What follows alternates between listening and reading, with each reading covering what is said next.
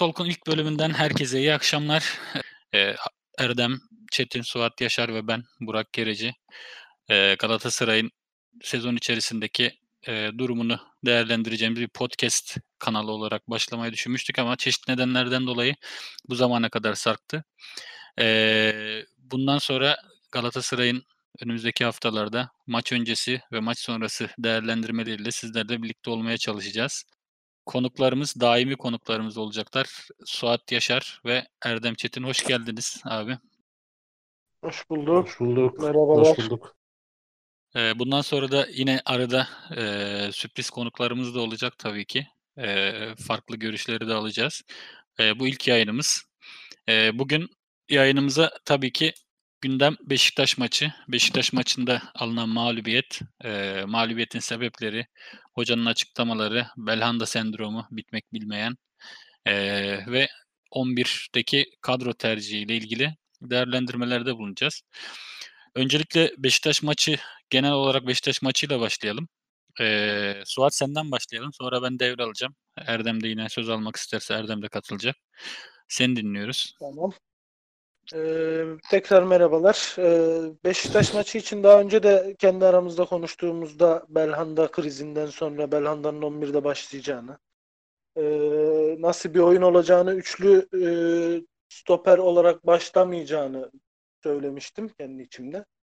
Sizlerle de paylaşmıştım kendi aramızda konuşurken. E, Donk'un da bir sebebi vardı. Donk'un oğlunun ameliyat çocuğunun ameliyatından dolayı e, belki başlamama oynayamama sebebi de olmuştur bunu üçlü oynayamamasının ama sonuç olarak dörtlü savunmayla başladı. E, oyuna Beşiktaş hızlı başladı ki e, söylemiştik Beşiktaş'ın en son şeyiydi bu. Hani kazanmak için tek şansı ya da lige tutunmak için tek Son şansı çıkıştı yani köprüden önceki son çıkış. çıkış. Aynen Galatasaray'ı bizi yenmekti. Ee, bunu başardılar. Yeni bir e, başkanları var. Hocaları her an gidebilecek durumdayken tek hedefleri galibiyetti ve buna ulaştılar. Ee, hani çok üst düzey bir oyun yoktu iki taraf içerisinde ama Galatasaray'ın en büyük problemi zaten pozisyona girememesi, pozisyon bulamaması, hücum aksiyonlarında yetersizliği, Ee, Babel'in yorgun olması, dinlendirilmiyor olmasından kanatların çok e, akmaması diyeyim. Belhanda'nın her zamanki gibi savruk e, pas hatası yapan, adam kovalamayan, çok fazla pres yapmayan bir oyunu. Markao'nun sürekli oyun kurmak isterken e, yanlış paslar, oyuna çıkamaması gibi bir sürü etken Galatasaray'ın kazanamamasına ya da puan alamamasına sebepti. E, yani kötü bir oyundu. Galatasaray çok fazla hak ettiğine inanmıyorum zaten. Beşiktaş hak etti mi? O da e, düşündürücü. Ya Sonuç tartışılır. olarak böyle bir maç oldu. Evet, tartışılır. Yani, Yani, iki e, takım da böyle bir şey koymadı ortaya. Yani derbi diye böyle dışarıdan birisi olarak izlesen, hani biz öyle izleyemiyoruz tabii ki ama ben Galatasaray'ın derbilerinden keyif almıyorum 2 yıldır. Kesinlikle. Özellikle deplasman olunca bir de bizim e, deplasman fobisi hocam ne kadar yok dese de deplasmanda zaten kötü bir oyun oyn- oynuyoruz. Özellikle bu da bir derbi olunca gol atamıyoruz. Bizim e, yani büyük derbilerde deplasmanda gol attığımızı nadir hatırlar hale geldik artık. E, Öyle bir öyle bir Galatasaray izliyoruz maalesef. Abi e, oyunla ilgili ben de bir şeyler söyleyeyim burada. Hani lafını balla kesmiş olayım ama e, şimdi Galatasaray'ın kaç zamandır, kaç haftadır e, izliyoruz. Defanstan top çıkarırken inanılmaz zorlandığını görüyoruz. Hani burada Enzonzi'ye hata bulmak yanlış çünkü Enzonzi zaten e, defans stoperler açıldığı zaman ortaya giriyor, top alıyor. Enzonzi'den top çıkmıyor. Çünkü Belhanda e, rakibin defansif orta sahaların arkasına saklanıyor ve inanılmaz statik, durağan oynuyor. Eee, top almıyor. Mesela Belhanda'nın olduğu Twitter'da gördüm. Eee, birkaç video yapmışlar top ayağına geldiğinde veya alması gereken yerde o kadar hareketsiz, o kadar durağan ki ayağına gelen topları Evet. da ne yapacağını bilmiyor. Karar mekanizması yokmuş gibi eee, ne yapacağını şa- şaşırıyor ve kaptırıyor. Yani gelen 5 toptan 3'ünü rahat kaptırıyor. Ben açıkçası Belhanda'nın da geçen Real Madrid maçından sonra bir tavır takındığını düşünüyorum. Hem taraftara bu belki e, yönetime bile olur. Çünkü yönetim de Belhanda ile ilgili bir tavır sergiliyor. Yani şu anda şu ana kadar maç sonu açıklamalarına birazdan geleceğiz hocanın ama hoca da hocadan başka ya da teknik ekipten başka Belhanda'yı koruyan yoktu. E, maç sonu açıklamalarından sonra Belhanda yine 11'de başlar mı? Birazdan onu yine konuşacağız ama Galatasaray'ın ileriye gitme problemi var. Yani yaptığımız tek şey geriye dönmek. Sıkışıyoruz çünkü oyunu çıkaramıyorsun defanstan. Muslera topu her topu ama istisnasız şeye Babel'e yolluyor. Babel sırtı dönük alıp indirirse orada bir set kurmaya çalışıyorsun. E, Nagatomo inanılmaz kötüydü Beşiktaş maçında. Yani Nagatomo'nun herhalde geldiğinden bu yana çok kötü oyun oldu ama bu kadar top kaybıyla, pas hatasıyla oynadığını ben ilk defa görüyorum. Yani Nagatomo'yu zaten ben beğenmiyorum ama şahsen inanılmaz pas hataları evet. yapıyor. Yani senin tek hücum aksiyonun Babel üzerindense, e, Babel'in sol beki de Nagatomo ise bir şeyler yapabilmek lazım. Şimdi Babel topu alıyor, indiriyor indiremiyor ayrı ama indirdiği zamanlarda yanına Belhanda'nın sokulması lazım. Lemina'nın sokulması lazım. Lemina yani tamamen böyle hani FM'de çok övülen ama fos çıkan oyuncular var ya bence öyle. İnanılmaz savruk. Hani her an ne yapacağını bilmeyen. Mesela birkaç kez soldan hücum hata vardı. Yani hücum yapmaya çalışıyorsun. Çizgiye indi. Gerek ortada durması gerekirken çizgiye indi. Çizgide zaten Nagatomo vardı, Babel vardı.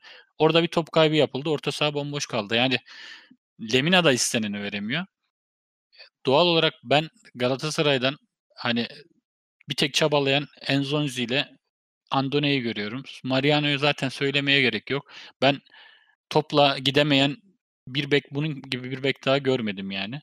Adam sadece alıyor geriye dönüyor ya da ileride birisi kaçarsa önüne atıyor. Yani bunu yapacaksa bek hiç bek olmasın daha iyi abi. Yani 3-5-2 oynayalım dediğin gibi. Kanada herhangi birini de koyar. Jimmy Durmaz'ı falan koyarım. O da yapar bunu yani. Bek dediğim bindirecek, inecek, topla gidecek, çalım falan atmaya çalışacak, bir şeyler yapacak. Yani yok abi adam her topta geri dönüyor. Karşısında bir adam görmeye dursun yani. Hemen geriye dönüyor. Yani bizim bek sorunumuz devam ettikçe Belhanda gibi top almak için çabalamayan. Hadi diyelim ki top alamıyorsun. Seni marke ediyorlar falan. Abi çık. Mücadele et. Kaptırdığın topun peşinden koş. Adam yürüyerek geri dönüyor ya. Bizim zaten taraftar olarak Belhanda'ya tepkimiz bu. Mücadele ettikten sonra Belhanda'ya niye laf edelim ki yani? Yani benim Öyle oyunla bir, ilgili düşüncem bu. Ek olarak bir şey ekleyeyim ee, şeyine beklerle alakalı konuştuğumuzda bizde Mariano e, Nagatomo maçın genelini maçı izleyen birisi olarak şöyle söyleyeyim. Sahanın en iyi iki adamı Beşiktaş'ın sol beki Rebeko ve Gökhan Gönüldü. Aynen öyle. Rebeko'yu ben yani, de beğendim. Yani bir daha önce hiç izlememiştim açıkçası ama. Bekler bak bu kadar kötü bir oyuna iki taraf içerisinde bu kadar kötü bir oyun içerisinde beklerin ayakta durması, beklerin hücuma katkısı özellikle Gökhan Gönül'ün de Babel'i e, hava toplarında bile ki aralarında rahat bir 10-15 santimden fazla vardır belki. Onda bile çok aşırı derecede rahatsız etmesi, çoğu hava topunun da Babel'den alması. Yani birçok şeye etken oldu bekler. E, Beşiktaş anlamında adına çok olumlu katkılar verdiler ve benim için sahanın en iyisi ikisiydi. Ee, yani öyle. Bekin önemi de sana maç bir şekilde kazandırıyor. Hani belki asist yapmadılar ki Caner açık oynadı ama asistini yaptı. Belki asist yapmadılar, belki gole katkı sağlamadılar ama sadece olay bu değildir. Maçı kazandırmak için. Müthiş. Bizi Rebeko e, müthiş çok mücadele bozdular. Kesinlikle. Rebeko özellikle e, bana göre maçın adamı ikisidir e, Beşiktaş'ta. Aynen öyle. Erdem sen de bu söylediklerimize az çok katılıyorsundur ama sana da şunu sorayım. Ee, yani bu oyun nasıl bir değişiklikle düzenir düzelir? Yani kadro yapısıyla, taktik anlayışıyla neler yapılması lazım ki bu Galatasaray hücuma çıkabilsin? 4 maçta 1 gol atmışız resmi maçta yani. Sen ne düşünüyorsun bununla ilgili? Neler yapılmalı? Şöyle maçın özelini siz anlattınız. Ben genel bir portreyle alakalı konuşayım. Ee, genel portreye baktığımda hocanın yapamadıkları var. Ee, hocanın ısrarı var, hocanın inadı var. Şimdi hoca Galatasaray'da ikinci dönemine geldiğinde de o Rumenlerle birlikte bir evet. e, kurgu yapmaya çalışmıştı. İşte hoca Milan'dan dönmüş. Ondan sonra mecliste milletvekillerine işte e, eğitimler verebilecek seviyeye gelmiş. Her türlü şeyi ben yaparım havasındaydı. Olmadı. Futbolda her türlü şeyi ben yaparım. Benim inadım, ısrarım bir şekilde e, bana sonuç getirir diye bir şey yok. Şimdi bugüne dönersek e, mesela hocanın sistemden ödün vermediği gibi bir anlayış var kafasında ama hoca sistemden ödün vermenin yerine oyuncuna ödün vermiyor. Şimdi e, sistemler maç içinde değişir, ondan sonra antrenmanlarda değişir. E, oyuncular bir şekilde sisteme ayak uyduramıyorsa değişir. Bunların hepsi günümüz futbolunda artık olan şeyler ama şimdi biz haftalardır kendi aramızda da Belhanda'yı konuşuyoruz. Belhanda'nın işte eksilerini savunuyoruz. E, kendimizce anlatmaya çalışıyoruz. E sonunda baktığımızda takım sürekli geriye gitti. E şimdi daha demin konuşurken mesela Lemina'yı anlattınız. Lemina'yı konuşurken aklıma Seri geldi. Şimdi Seri kiralık bir oyuncu. Bir senelik bir anlaşma yapılmış. Sezonun neredeyse e, hani o e, çok göz boyamayan e, işte Adem'li ondan sonra Jimmy'li. Şener'li, Jimmy'li transferler dönemi sonunda gelen ilk göz dolduran transfer. Şimdi e, seni de otomatik olarak ne düşünüyor? Ben bu takımda kiralık geldim. Bir sene boyunca burada 34 maç oynarım. Ondan sonra Şampiyonlar Ligi'nde biraz e, kendimi gösteririm. Daha büyük bir kontrat için farklı Avrupa'nın büyük kulüplerine giderim düşüncesi varken e, Belhanda mesela formsuz bir Belhanda'yla forma rekabetine girmek zorunda kalıyor. Üstüne Enzonzi geliyor. Üstüne Lemina geliyor. Üstüne bir de Türkiye Ligi'nden Taylan Antalyalı geliyor. Ya şimdi Daha hani daha ne olsun transferlerde bir sıkıntı var. Yani hocanın mesela bu o bölgeyi yoğunlukla kullanmasının bir anlamı var mıydı? Yoktu. E gelelim bugüne haftalardır işlemeyen bir e, hücum hattı var Galatasaray. Hücum e, futbolu var. E şimdi yani Beşiktaş maçının son dakikalarında bile Adem Büyük girdikten sonra 4-4-2'ye dönmüş bir Galatasaray var. Biraz daha böyle kaleye gitmiş. Hani o Hareketlenmiş takım. hareketlenmiş, Adem büyük kafa toplarına çıkmış vesaire. Yani bugüne kadar kendini var eden sistem 4-4-2'yi Fatih Hoca niye hala düşünmez? Hala niye bu kısır e, sistemde devam eder? Anlamak mümkün değil. Ve de daha önemlisi Fatih Hoca mesela Real Madrid maçında Real Madrid'in 20 küsür şut attığı bir maçın sonunda biz iyi oynadık diyebiliyor. Yani Evet. eski eski Fatih Hoca'nın bu tür reaksiyonları yoktu. Fatih Hoca e, bulunduğu durumdan hoşnut olmayan bir hocaydı. Futbolcuları saha içinde gerektiği dersleri verirdi. Ama Fatih Hoca'nın bu dördüncü gelişinde her şey güllük gülistanlık gibi. Yani Galatasaray kötü top oynuyor. 5 maçtır 6 maçın 5'inde gol atamamış. Hala Fatih Hoca işte e, oyundan bahsediyor. Ondan sonra bir daha bir gösterdiler bana 18 yaşındaki çocukların olacağı gibi laflar ediyor. Yani bizim e, oyunun sıkıntılı yanında, oyunun böyle açmazlarındaki kilit nokta bence Fatih Hoca'nın açmazları. Yani Fatih Hoca bu sezon hiç giremedi oyuna. Oyuna giremeyince de Aynen. Galatasaray'ın DNA'sı bozuldu. E, bugünkü atmosferde otomatikman oluşmuş oldu. Yani Fatih Hoca'nın şimdi alışkın olmadığımız bir şey bu aslında tavrı. Yani şimdi mesela maç sonu açıklamalarına gelelim buradan. Eee, maç sonunda Fatih Hoca dedi ki işte oyunu değerlendirmeden önce Galatasaray'ı şuraya değerlendirmek lazım. Eee, bireysel olarak, takım olarak her şeyin farkındayız. Gerekeni yapacağız. Değiştirmeye de çalışacağız. Yani neden şimdi burada akıllara şu soru geliyor. Neden değiştirmedin bu zamana kadar? Takım kötüydü zaten. Eee, şimdi değiştirince de doğru yola girer miyiz? Bir şeylerin başlangıcı olur mu diye düşündük. Değiştirmeye başladıkça bazı şeyler düzene girer. Taktikte değiştireceğiz diye eee, düşündük. Hani sürekli bir hoca beklenti içinde. İşte Belhanda'dan Mariano'dan acaba kıpırdanırlar mı?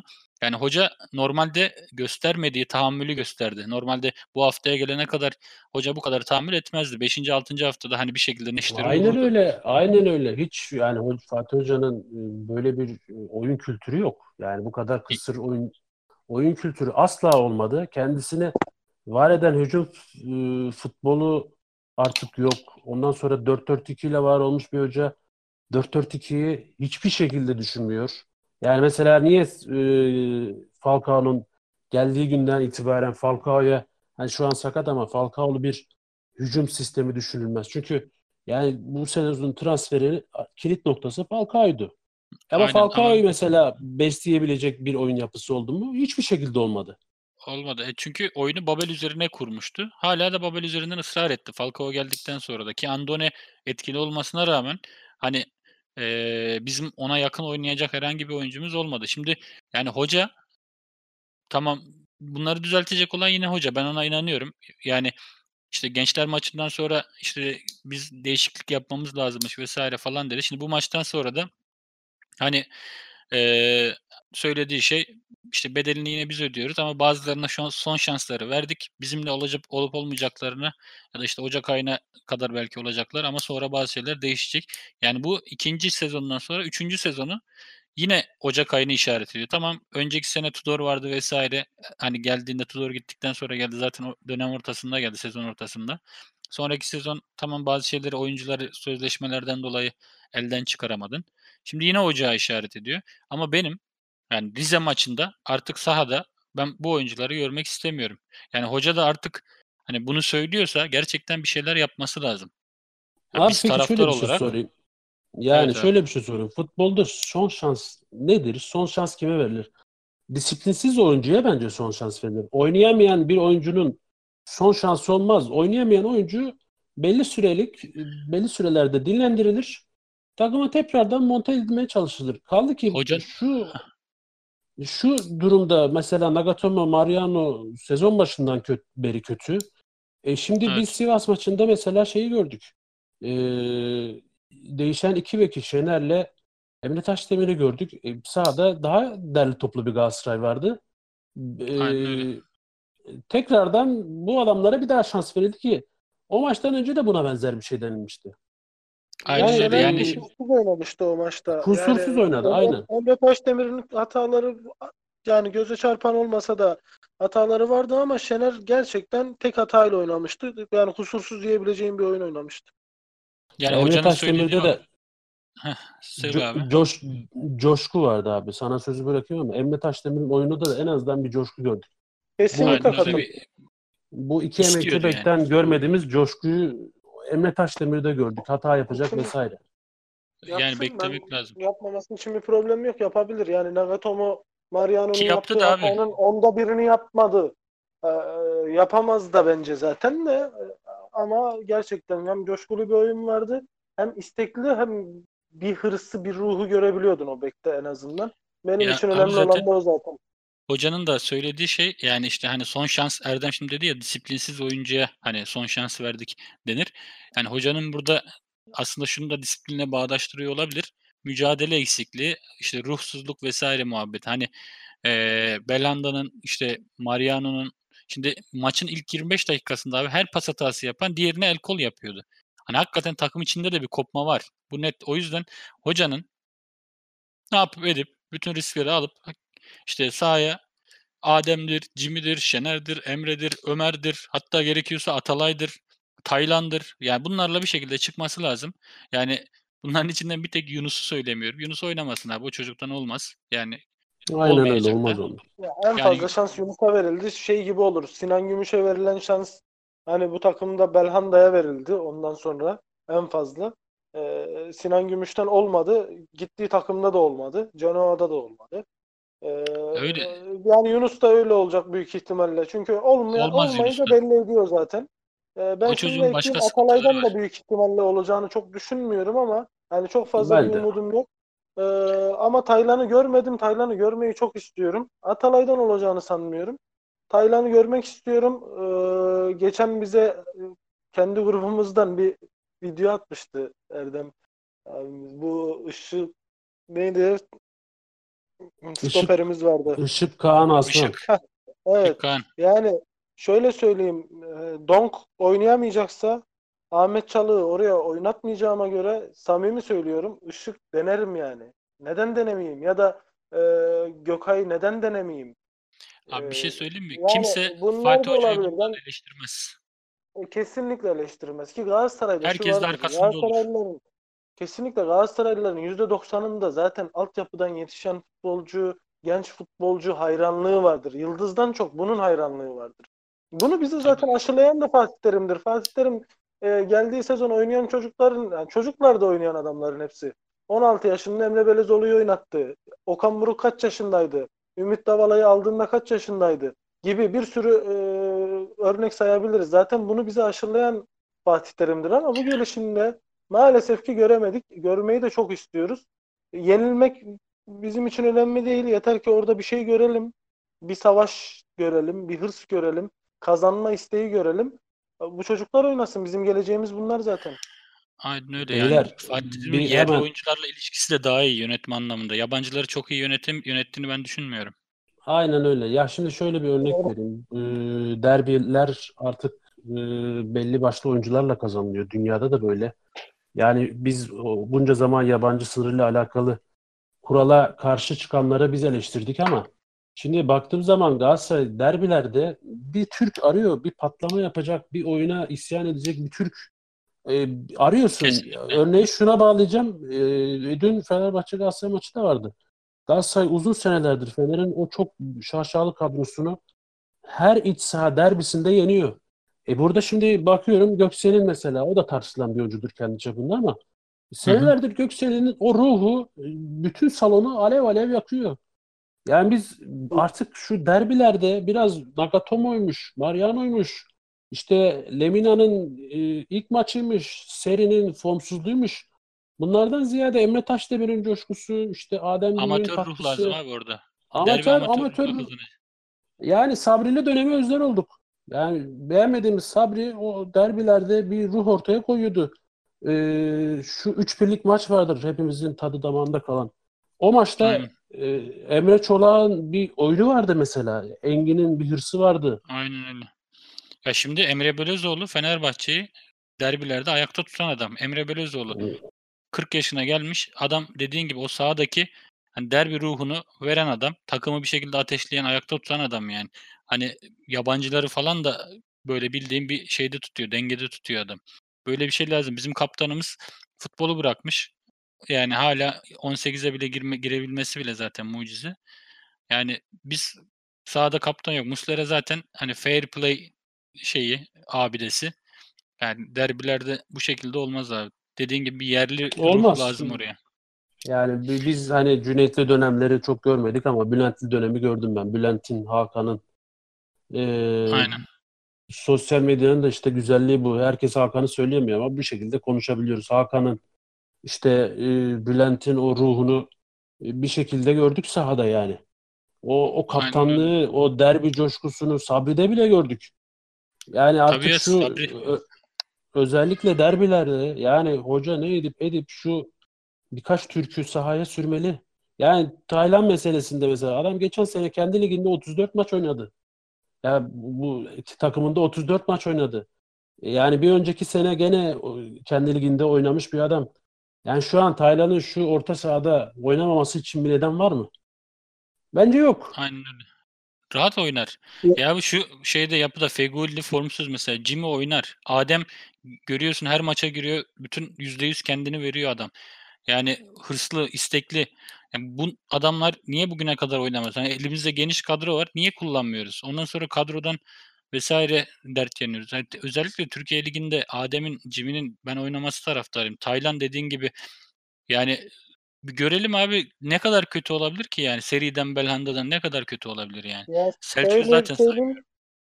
Beşiktaş maçı önümüzde çok bariz bir örnek. Zaten Erdem Çetin söyledi.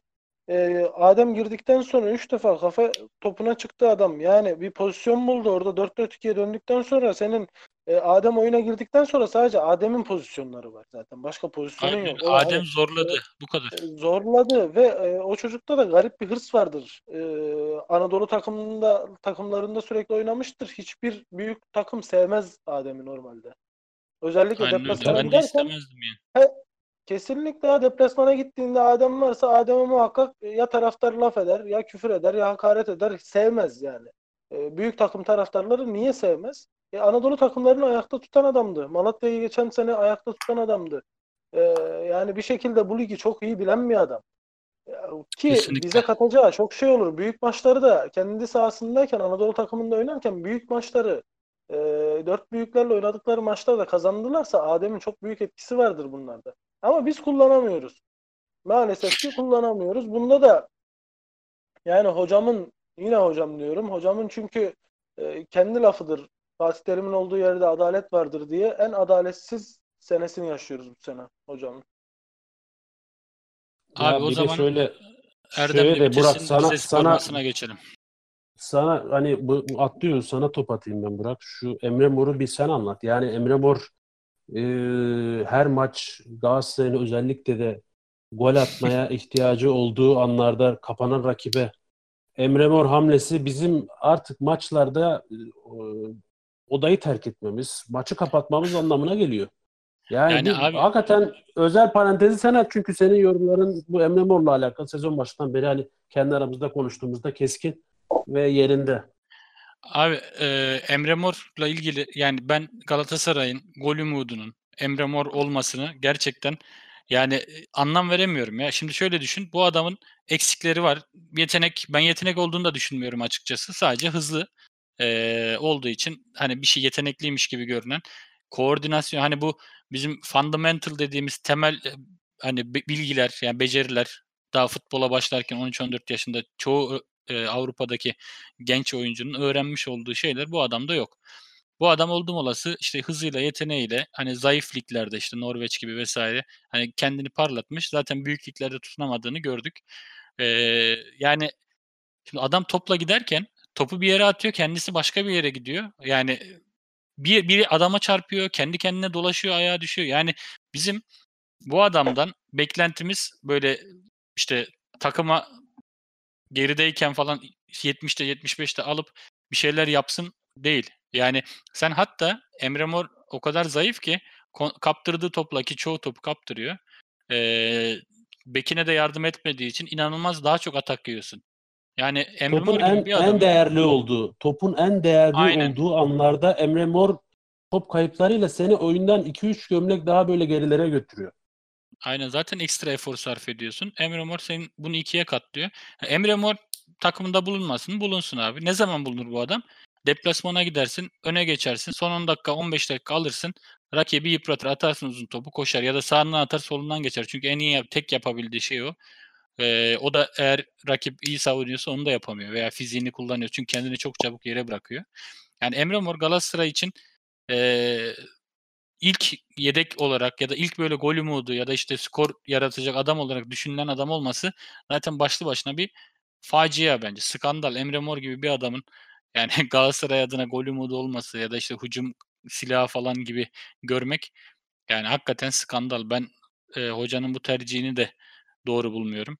E, yani bizim daha ayağı yere basan, ileride seni e, rahatlatacak ya da işte top tutacak eee, vücudunu kullanabilecek işte Jimmy Durmaz'dır, Adem'dir bunlar varken Emre Mor'a sıranın gelmemesi lazım. Aynen öyle. Emre Mor'la ilgili zaman- bir şey söyleyeyim. Bir şey ekleyeyim mi? Sen de Ee, söyle abi. Rize Emre maçına sonra Mor'la geçelim. ilgili Galatasaray'da Emre Mor'un oynayabileceği tek nokta, tek e, dakika aralığı Galatasaray öne geçtikten sonra olur. Galatasaray gerideyken Emre Mor giremez. Bunu zaten söyledin. E, başka türlü Emre Mor'un oynama e, durumu olmaması lazım. Yani Galatasaray deplasmanda da iç sahada da özellikle iç sahada öne geçersin. 1-0, 2-0 yaparsın. E, rakip sana hücum etmeye başlar. Geride boşluklar vermeye başlar. Sen o zaman Emre Mor'u alırsan Emre Mor değerli olur. Yoksa yani bu tarz bir de büyük maçlarda özellikle geriye düştükten sonra takım iyice kapanmış ki e, rakipler de Abdullah Avcı dediğin adam en iyi alan kapatan hocalardan bir tanesidir. E, büyük maçlarda da olsun Real maçıdır ya da Paris maçıdır falan. Bunlar da artık geriye düştükten sonra Emre sadece dayak yer. Başka hiçbir şey yapamaz yani. Aynen öyle. Yani ben gözümde şey canlanıyor. Emre yani hoca olsam Emre'yi her maçtan sonra bir saat abi istasyon koyarım. Hani topla istasyon driplingi yapsın falan çalış. Çünkü adam yapamıyor. Hani nereye gideceğine karar veremiyor. Verdiği kararlar yanlış. İki defans varsa yanında ikili sıkıştırmada kesin birine çarpıp düşüyor. Yani Emre gerçekten komik oluyor ya dışarıdan izleyince. Kim ya bu dersin? Hani yabancı bir adamı getir. Kim lan bu herif der yani ciddi söylüyorum. Aynen Evet. öyle. Abi Rize Spor maçı ile ilgili beklentileriniz hocanın bu açıklamalarından sonra işte son şansları verdik ya da son şansları bazılarının demek ki olmuyormuş. Ee, değişiklik de yapılacaksa biz yapacağız vesaire gibi açıklamaları vardı. Rize maçında kadroda büyük değişiklikler, böyle radikal şeyler bekliyor musunuz? Erdem seninle başlayalım bu sefer. Bence radikal değişiklikler olmaz ama Galatasaray maçı ıı, kazanır. Çünkü iç sahada artık ıı, oynamadan da kazanabileceğim maçlar var. Yani geçen sene Rize son anlarda e, yenme noktasına da geldi ama ya iç sahada o bir coşku oluyor. Ondan sonra rakip e, kapanıyor. Ondan sonra ekstra oyuncular e, Belhanda bile mesela iç sahada bir şeyler yapabiliyor. E, Feguli yapabiliyor. Falcao mesela o maçta dönecektir. Ya Galatasaray maçı alır ama e, o maçın Nasıl bir oyununu alması- Heh, nasıl bir oyunu alır? Yani Galatasaray Rize maçı mesela sezon sonunda inşallah olursa gene bir şampiyonluk klibinde işte şampiyonluğun hikayesinde Galatasaray'ın işte 4-4-2'ye dönüşü Beşiktaş maçı sonrasında Rize ile başladığı hikayesiyle böyle Aynen öyle. süslenirse oradan bir şeyler çıkar. Yoksa gene aynı oyunla Galatasaray'ın kazanması da hiçbir şey değiştirmez. Benim korkum e, Madrid-Paris deplasmanları. Yani bu kırılganlık Muslera'nın da gününde olmayacağı maçlar olacaktır. Bu kırılganlıkla Galatasaray'ın oralarda işi çok zor. E, lig için de zor. E, lig içinde deplasman fobisini bir an önce yenmek lazım. E, her şeyden öte bir 4-4-2'li bir artık sisteme dönmek lazım. E, 4-4-2 hani seni geri düşüren bir sistem değil. 4-4-2 tam aksine seni hücum presi yapmanı sağlayan yegane sistem senin mevcut oyuncu yapınla. Yani sen bu mevcut sisteminle, Babel'le, ondan sonra Fegoli'yle önde basamazsın. Sen Andone'yle, e, Falcao'yla veya Adem'le, Andone'yle presi başlatırsın. Ondan sonra senin hücumun daha da şekilde olur. Oyun sistemin daha da belirginleşir. Benim diyeceğim bu Galatasaray muhtemelen kazanır ama 4-4-2 şart. Suat sen ne düşünüyorsun abi? Ben de birazdan söyleyeceğim. Ben katılıyorum ve e, Fatih Terim'in bu açıklamalarından sonra artık gerçekten e, Rize maçında da 4-4-2 oynayacağını düşünüyorum zaten ama Falcao iyileşmişse tabii. Falcao iyileşmemişse 4-4-2'yi beklemek hayal olur. E, Andone Babel yapacağını sanmıyorum. Hatta Babel'in ben 11 başlayacağını düşünmüyorum Rize maçında. E, ha Şener'e beklerden belki bir tanesini değiştirebilir. E, o onu bekliyorum. E, zaten Marka cezalı. Büyük ihtimalle Donk oynayacak orada. Ya, Enzonzi değişmez adam. Enzonzi Mustera hiçbir şekilde değişmeme, değişmez ve değişmemesi gereken adamlar zaten bu takımda.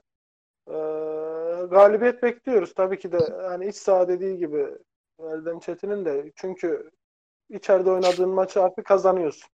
Yani Galatasaray'ın orada kaybetme ya da puan kaybetmesini bile düşünmüyorum. Hani berabere bile gitmez o maç kazanır ama e, çok güzel bir şey söyledi. E, dediği gibi 4-4-2 olup da ve güzel bir oyunla, güzel bir galibiyet alınırsa e, bir yere taşıyabilir. En azından ocağa kadar bir yere taşıyabilir bizi. E, ama 4-4-2 oynayacağını bekliyorum ben de.